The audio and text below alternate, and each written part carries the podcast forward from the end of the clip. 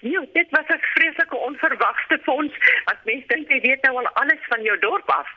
Ehm um, ons het hier 'n besonderse monumentjie. En die monument het 'n plaat opgehad waar daar letters op is wat moet herstel word. En ons het die plaat afgehaal vir die herstelwerk en daar ontdek ons 'n bottel met 'n klomp dokumente daarin. Dit was dit was absoluut net 'n groot oomblik. Wat het jy nou al die bottel oopgemaak? Kan jy hom oopmaak? Wat staan op hierdie dokumente? Dit dit is nou iets wat mens moet versigtig hanteer. Ons brand om daai bottel oop te maak. Maar mens besef ook daai bottel is daai dokumente en die bottel is seker nou 80 jaar oud en die dokumente kan vreeslik bros wees. So ons moet dit reg doen. Ons wil kundiges kry wat nou vir ons hierdie bottel gaan oopmaak, die dokumente ooprol en dan miskien dupliseer en dan sal ons eers weet wat wat daarin staan. En uh, miskien moet jy dalk vir ons net agtergrond gee oor wat se monument is hierdie? Weet jy in 1938 was mos 'n simboliese ossewa trek dwars deur die land. So die ossewaan het daar van die Kaap afgegaan Pretoria toe.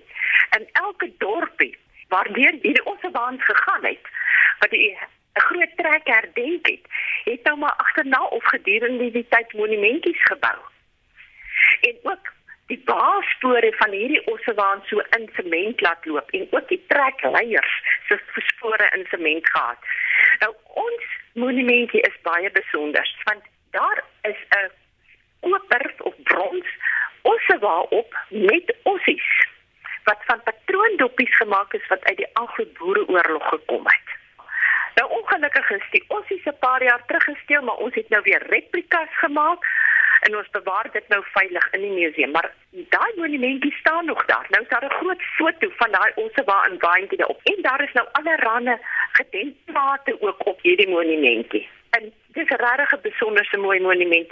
En hy trek aandag want hy's in die, op die punt van ons hoofstraat en almal kyk altyd na hom.